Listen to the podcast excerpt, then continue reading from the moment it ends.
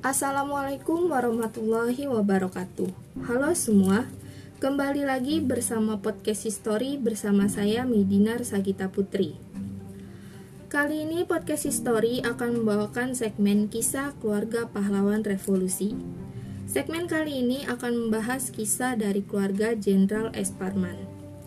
Baik, tanpa berlama-lama, langsung saja kita masuk ke pembahasannya. Jenderal S. Parman merupakan salah satu pahlawan revolusi yang gugur dalam peristiwa G30S PKI. Beliau merupakan anak ke-6 dari 11 bersaudara, pasangan Bapak Kromo Diharjo dan Ibu Marina Kromo Diharjo. Beliau lahir di Wonosobo 4 Agustus 1918, wafat di Jakarta 1 Oktober 1965 di usia 47 tahun. Beliau memiliki istri bernama Ibu Sumi Rahayu. Beliau tidak memiliki anak kandung, namun beliau mengangkat anak dari adik beliau yang bernama Ibu Lin Indonesiawati. Selain itu, beliau juga memiliki seorang putra sambung bernama Bapak Sugiono dan berprofesi sebagai tentara. Beliau menjalani kehidupan sederhana bersama istri beliau.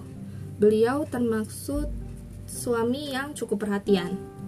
Setiap akhir pekan, Pak Parman selalu menyempatkan untuk jalan-jalan berdua dengan istri beliau. Hari Minggu merupakan hari quality time bagi beliau berdua. Selain itu, Pak Parman juga suka membawakan oleh-oleh untuk istri beliau, seperti beliau suka membawa kue kecil yang disajikan saat terapat di kantor untuk dibawa pulang, coklat dari pesawat, dan hadiah kecil lainnya untuk sang istri. Selain itu, terdapat juga kisah yang berasal dari adik Pak Parman, yaitu Bapak Sugi, Subagiono, yang dikutip dari buku 7 prajurit TNI gugur 1 Oktober 1965. Dalam kenangan sang adik, Pak Parman dikenal sebagai sosok yang disiplin dan disiplin beliau sangat tinggi. Suatu ketika Bapak Subagiono diajak oleh Pak Parman untuk menonton film. Beliau yang sudah sejak umur 14 tahun ikut dengan keluarga Pak Parman berjanji akan pulang pada pukul 17.30. Namun beliau terlambat 5 menit karena ban sepedanya pecah. Lalu saat sampai di rumah, Bapak Subagiono langsung dimarahi oleh sang kakak. Baru nonton saja terlambat, bagaimana kalau perang?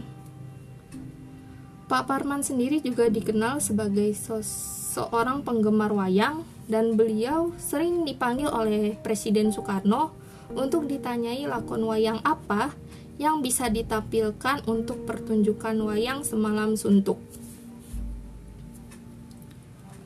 Saat peristiwa G30 SPKI terjadi, Bapak Subagiono sudah menikah dan tinggal di wilayah Tebet.